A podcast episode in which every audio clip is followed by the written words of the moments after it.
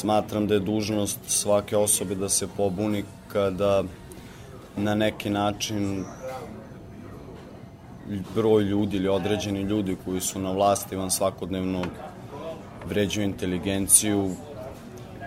Mislim, generalno, donekli kao neko ko teže ka akademskom obrazovanju, imam tu privilegiju da zahvaljujući tom obrazovanju mogu da vidim kada su u pitanju razne medijske manipulacije.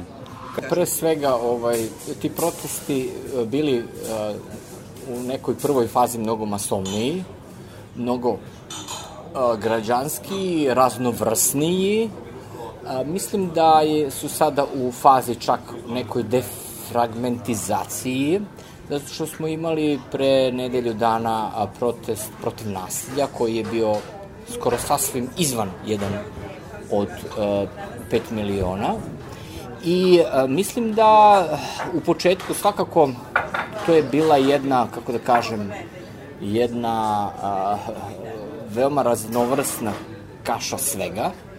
I tu je bilo od desničara uh, do recimo autonomaša koji su bili nazvani separatistima i tako. Mislim, to je na neki način i, i uticalo na taj protest da on dobije neku uniformu. Mislim da e, je politika iskoristila a, taj slučaj koji je bio sa Sergejem Trifunovićem da se ti protesti na neki način uh, uniformišu pre svega partijski. Uh, posle toga mislim da je više uh, učestvovalo partijskih lidera, što mislim da je lošije za taj protest u Novom Sadu, kada govorimo o Novom Sadu. I smatram da su radili jednu jako bitnu stvar. Vratili su neke pojmove opet u život koji nisu bili, nažalost, aktuelni prethodnih pa ajde da kažem i više od 10 godina, a ti pojmovi su solidarnost, društvena odgovornost. I to je nešto čega da je bilo u prošlosti, mi verovatno sad ne bi bili u ovoj situaciji. I zato sam, zato smatram da je to generalno i najveći uspeh protesta. Iluzorno je očekivati da šetnjama se može, da kažem, skloniti sa vlasti nešto što, što na jedan perfidan način utiče na naše živote i što nam se meša u svakodnevnicu. I nijedna vlast ne treba da se sklanja na ulici. Svaka vlast se mora skloniti olovkom na papiru. Ali kada vam ulica preostane kao jedini kanal komunikacije preko kojeg možete nešto da izrazite ili da dođete, da kažem, ajde uopšte u etar, sasvim opravdavam to i mislim da je to i neophodno. I posebno zato što radim sa mladim ljudima i znam da su u poslednjih 20 godina mladi ljudi strašno konzervativni. To pokazuju i sva istraživanja, ali meni prosto ne treba istraživanja, ja sam s njima svaki dan. I kažem, to je jedno 17 godina i ovaj, mladi koji bi trebali da budu nosioci ideje slobode i promene postaju sve konzervativniji i konzervativniji i sve više vuku na otvorenu desnu stranu ideološku, što je jako opasno. Tako da je ovaj protest zapravo vratio tu neku ovaj, nadu, solidarnost u, u promene, u to da će mladi ipak spasiti svet i posebno kad vidim da su sad i osnovci na ulicama i tako dalje, prosto a, podržavam ih u svakom smislu, jer kažem politika i građani su neodvojevi i ne podržavam stajanje sa strane i čekanje da prođe, kao što većina smatra da je građanski čekati da smutna vremena prođu. Ne, oni koji stoje sa strane u smutnim vremenima apsolutno su vredni prezir. Ono što nama nedostaje i zbog čega a, mislim da a, ima jako puno ljudi koji protestuju, a to je nedostatak javnog prostora. Mi faktički iz dana u dan gubimo taj javni prostor u Novom Sadu. Uh, najjednostavnije kao neko iz Novog Sada, ako vam kažem da uh, bulevar oslobođenja od železničke stanice do mosta nema ni jedno besplatno parking mesto, znači moraš da tražiš negde iza zgrada, što je već recimo negde rezervisano za ove stanare. Znači mi, pored svega toga što smo onako razvučeni lale, mi nemamo više tog prostora. Taj prostor je industrializovan, taj prostor je neoliberalizovan, on je prodat, znači, da ne kažem, Liman polako se sužava i tu jedan deo grada koji je bio najzeleniji, najkomfortniji za prostor za život. E, tu je namenjeno za novu gradnju, za uh, novi uh, metal i, i beton, kao levičar u duši, znači ono otkaz znam za sebe, gledao sam kada sam birao gde ću, pošto sam teo politički da se aktiviram, znači ne da budem samo aktivista, nego da se, da se politički aktiviram. U suštini, ono što je meni bilo bitno, znači je neukaljeno ime nekog lidera. To sam prvo gledao, pa sam gledao program. Ja sam pročitao program Levice Srbije i video sam da je to nešto za što i ja želim da se borim. Znači, borba za neku radničku klasu, borba za e, nezaposlene, za zaposlene, za poljoprivrednike, za e, prosvetne radnike, bo, znači ta neka socijalna pravda u kojoj je u Srbiji zaboravljena ovim kapitalističkim novim poredkom, koja je totalno zaboravljena ovaj, i gde imamo svaki dan, uh, gde svaki dan imamo uh, zaduživanje Srbije, da imamo svaki dan, opet kažem, uh, borbu jednu, gde nema slobode govora, da nema slobode mišljenja, da nema slobode medija, nema, nema slobodnih izbora i za sve to u suštini gde sam ja to pročitao u programu Levice Srbije video sam da je to nešto novo za šta, što je Srbiji potrebno, znači nešto novo, neka nova energija, nova snaga i novi ljudi.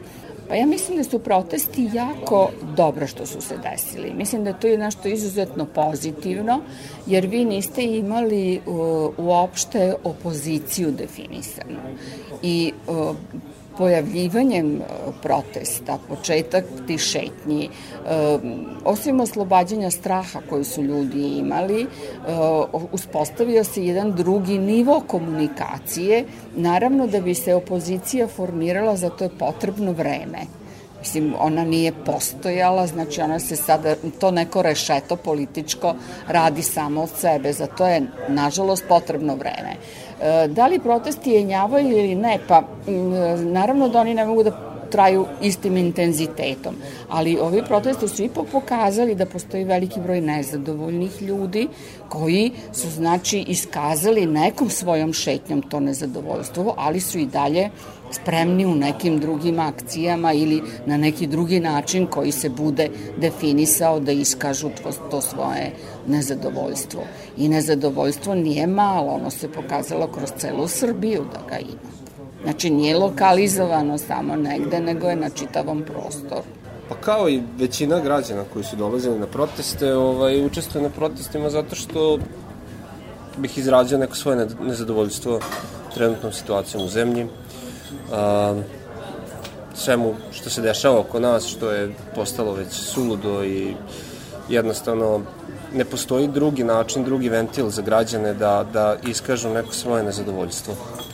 Sloboda reči, čime sam ja najnezadovoljniji, najnezadovoljniji bila u tolika i ranijim, i ran, kod ranije vlasti, kod, kod ranije upravljačkog sistema u ovoj državi, ali sad je zaista i veoma, izra, veoma izraženo, izraženo to da svako mora da vodi računa šta će reći i svako mora da vodi računa koga će kritikovati i da li će to javno, javno reći. Nikad se toliko ljudi nisu bojali i nisu osjećali strah i vodili računa šta će reći. Da li smeju da kritikuju i na koji način smeju da kritikuju.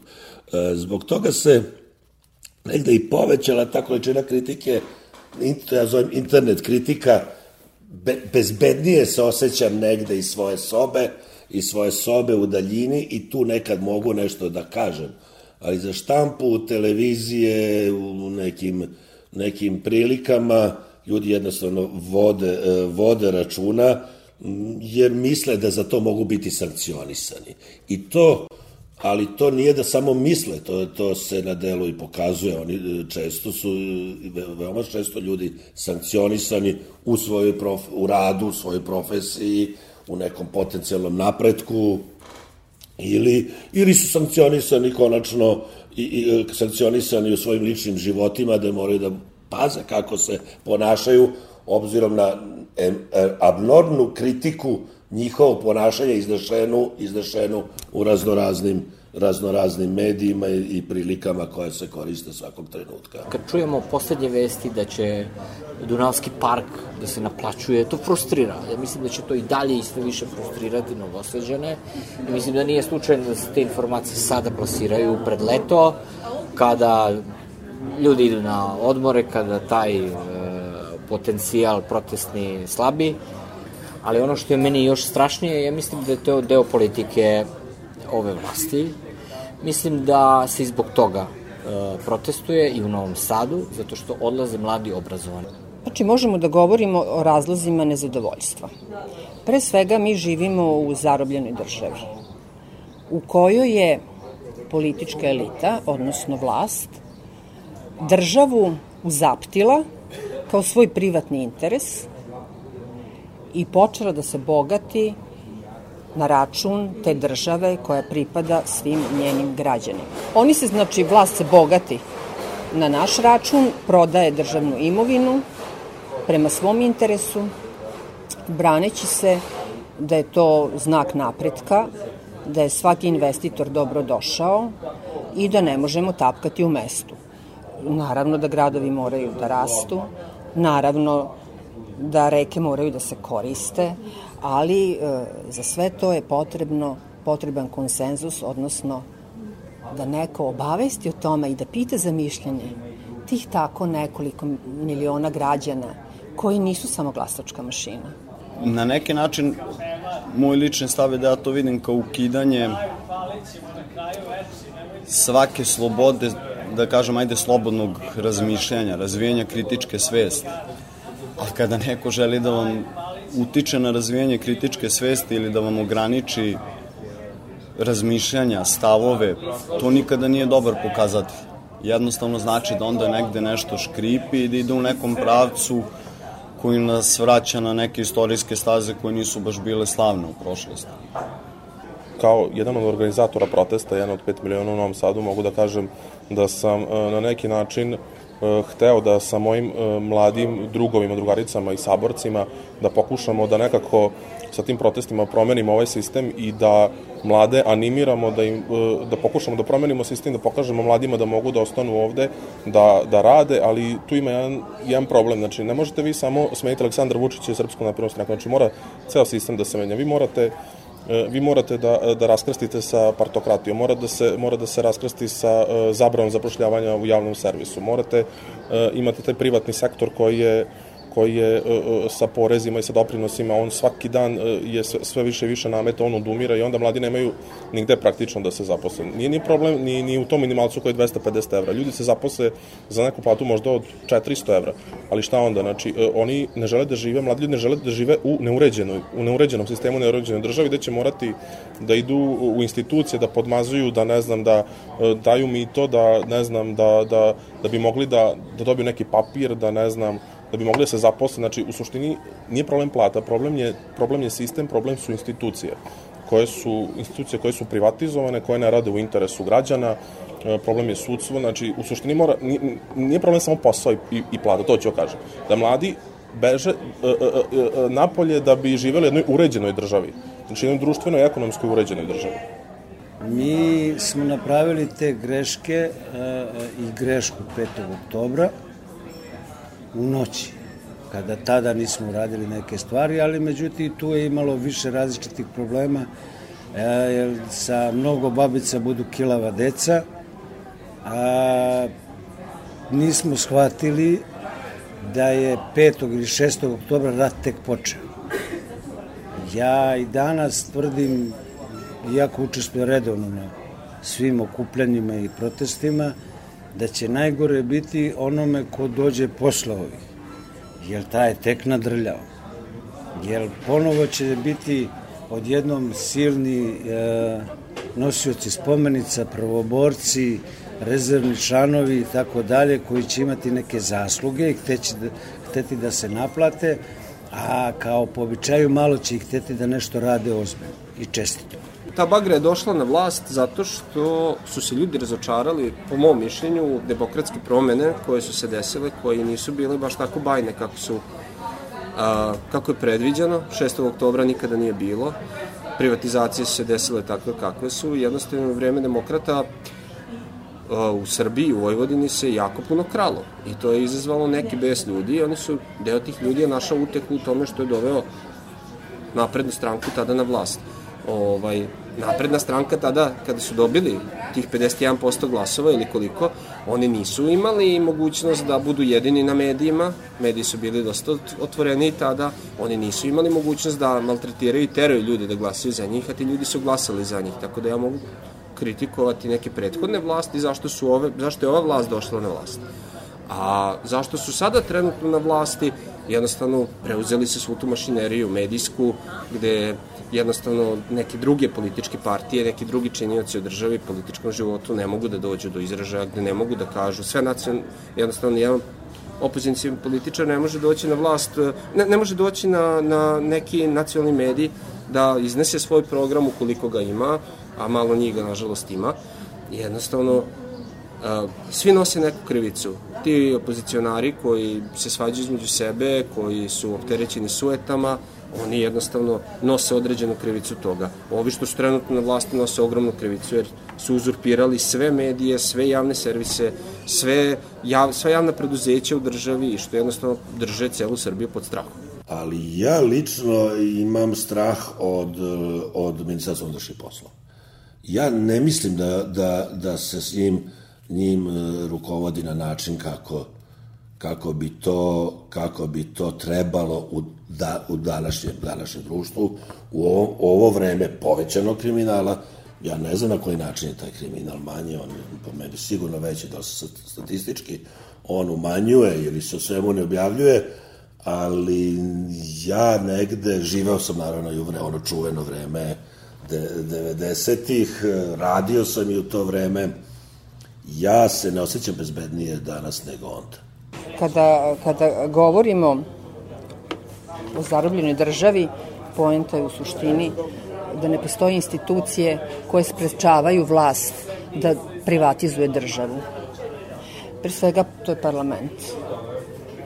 Parlament je postao jedna cirkuska arena koju e, vladajuće stranke i njihove njihove, op, njihovi opozicioni partneri e, koriste da proturajući sistemom stotinu i stotinu amandmana u stvari da zavuišu normalan rad ovog tela i da spreče stvarnu opoziciju koja ima drugačije mišljenje da bilo šta kaže.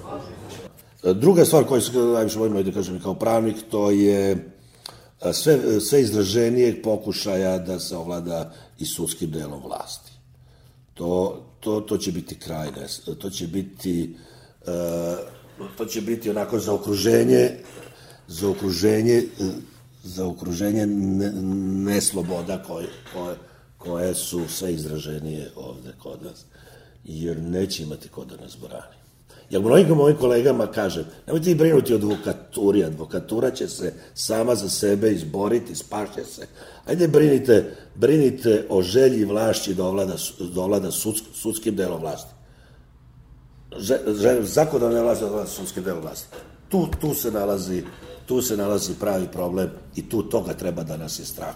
A da li ćemo mi advokati imati ova prava, ona prava, da li će ne, neke neki drugi delovi, delovi e, profesije dobiti neka ovlašćenja koje mi nismo imali, da li će nam biti porez manji ili veći, da li ćemo se pitati kod naše zakone ili ne, sve to ok, za sve to treba da se borimo, ali to je najmanje, to treba da nas je najmanje, najmanje strah.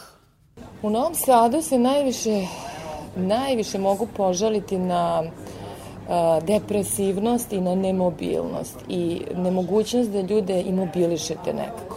Upravo to naše novosadsko uzdržano stajanje sa strane, što opet moramo razumeti, mislim, ljudi su duboko razočarani, ljudi su duboko iznevereni, potrošena je ta građanska neposlušnost, potrošeno je to nezadovoljstvo niskanalisano, to je ona priča da nismo imali 6. oktobra i tako dalje, sve to razumljivo, ali nije opravdano, razumete? I prosto to je ono što mene u Novom Sadu najviše iritira, e, jer mislim da to je jedan mentalni stav koji je pogrešan što se tiče građanskog aktivizma i života. Znači, milion drugih stvari, kao što znate, nijedna institucija ne funkcioniše. Apsolutno, ne da ne funkcioniše, ljudi apsolutno nemaju poverenja ni u jednu instituciju. Kad god treba da pristupite nekoj instituciji, vi tražite neku vezu. Od minornih stvari do bitnih stvari. Znate da što god hoćete da uradite, ako morate da preko institucije, neće se uraditi od toga da e, lečimo decu SMS-ovima, pa do toga da prikupljamo razne humanitarne pomoći van svih institucionalnih pravila, pa da brane ova deca svojim telima od izvršitelja stanove privatne i tako dalje, pa da branimo parkove i da, mislim, sve je katastrofalno naopako i prosto ljudi su potpuno razočarani, ali su i dalje inertni. To je ono zašto, što je zapravo najveći problem. Kada sam trebao decu da upišem u vrtić, ja sam morao da jurim vezu da bi deca upisao u vrtić, jer su prvobitno bila odbijena. I onda kada smo našli čoveka koji to može da uradi, čak i bez novca, znači nismo ništa platili, ali čovjek nam je sredio da deca upišemo u vrtić, dok su išlo u vrtić, sad idu u školu.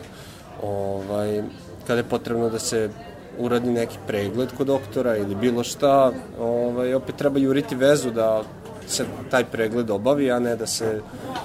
Znači, nema, ni, jednostavno ništa nije uređeno kako treba da bude, već sve jednostavno zavisi od toga da li nekoga poznajete, da li možete da platite ili ste član vladajuće stranke. Pa da nemamo strane medije, mislim da bismo bili mediji 90. godina, sigurno. Znači da nemamo nekoliko medija iza kojih stoji strani kapital i koji su na neki način nedodirljivi zbog toga što ovaj, dolazi sa zapada. Govorimo o stranim medijima sa zapada, ne govorimo o Sputniku. Mislim da veoma je teško ovde raditi e, domaćim medijima, pre svega finansijski, jer su neodrživi e, ta transformacija koja je evolutivna ne može da prati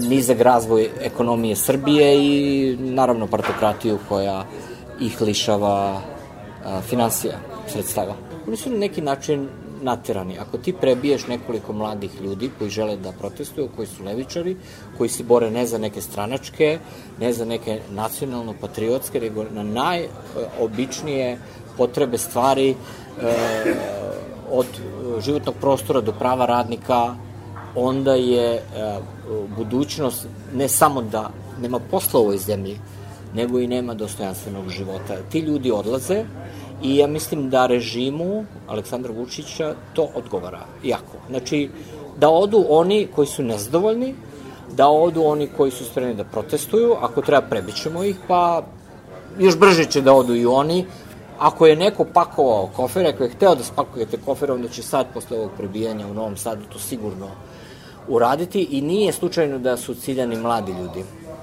Jako je glupo tražiti od nekog da ostane ovde. Nema ovde, nema uslova za jedan normalan život, a naročito kada ste mlad čovek i recimo studirate medicinu. 5-6 godina provedete studirajući, 7 i ono što vas posle toga sačeka je minimalna plata koja, nažalost, svi znamo, ne ispunjava neke, oslo, neke osnovne egzistencijalne uslove za život. A negde drugde sa tom školom neko može da živi više nego kako treba. I sad ja nekom treba da kažem, e, nemoj da ideš preko, možeš ovde sa 300 eura i 7 godina koje si proveo školujući se da živiš. Ne, idi. Što se tiče, što se tiče još e, ove vlasti, e, treba sam napomenuti to da svakih pola sata jedan mladi stanovnik napusti e, zemlju Srbiju. Radi se o tome da godišnje, godišnje negde oko 35.000 ljudi, što mladi, što ih napusti Srbiju. O čemu se sad tu radi? Radi se o tome da mladi nemaju perspektivu, mladi nemaju budućnost u Srbiji i e, traže tu e, perspektivu i budućnost na zapadu ili na istoku. Ja sam majka dvojice sinova i uh, jedan sin je uh, studirao uh, veterinu u Košicama i tamo je ostao, ali tada studije veterine nisu postojale u Novom Sadu i bilo je to ono vreme 92. 3. 4. godina, to suludo vreme i naravno on se tamo oženio i ostao je a drugi sin živi ovde u Karlovcima i kao ovaj preduzetništvom se bavi naravno uz ogromne, ogromne napore. Juče se, čini mi se, sam pročitao interesantan podatak da u Sjedinjenim američkim državama od e, emigranata najviše a iz Srbije 43% imaju završen fakultet ili neku a, već, veću diplomu. I kako mislimo da prosperiramo? Nikako. Znači, opet ćemo imati te kojima je najbolje da se učlane negde, pa bilo to ribolovačko društvo ili planinarski savez i a, onda zakoni a, za, a pošto ako je ribolovačko društvo ovaj, na vlasti, onda za njih zakoni ne važe. Pravila se donose, ali za njih ne važe. E kad dođe planinarski ovaj savez e, na vlast, onda za njih oni će biti povlašteni, a ribolovci će se patiti i tako u nedugo. Prvo mi imamo problem, očigledan problem neverovanja u takozvane opozicijone stranke. To neverovanje opet nije bez razloga, da sad ne, ne, vraćam, ne vraćam priču po deseti put unazad. Uh, S druge, s druge strane, mi imamo očigledan problem, očigledan problem u funkcionisanju ono ko, kome to nije posao, tim nekim građanskim inicijativama, određe, određenim pobunjenim, pobunjenim umetnicima, željnim, željnim slobode ili intelektualcima. Oni među sobom ne mogu sve stvari da usaglase. Samim tim oni ne mogu ni takvi, tak, takvi svojim ponašanjem i da predstavljaju neke buduće, buduće lidere, bez obzira na jasno opredeljene pozitivne stavove po jedno, po jedno društvo. Protesti, pored brojnosti, ljudi koji dolaze moraju da imaju izdefinisanu ideologiju. Ovde nema ideologije, ovo je zajednički interes rušenja vlasti. Mi smo to sve imali. Znači, ljudi koji mogu da se dogovore samo oko jednog zajedničkog interesa ne ulivaju poverenje građanima. Apsolutno, zato posebno u Vojvodini gde je multinacionalna sredina, ja lično nisam zato išla na proteste, ja ne mogu da stojim pod tim parolama i ne mogu da podržim desničarsku stranu koja je sada rešila da se udruži radi rušenja vlasti. Oni se nijoko čega neće moći dogovoriti već sutra kada sruše tu vlast. Ali mi ćemo morati glasati i glasat ćemo. I sto puta ćemo se pokajati ili ćemo morati glasati, jer to je naša građanska obaveza da menjamo, da stalno menjamo.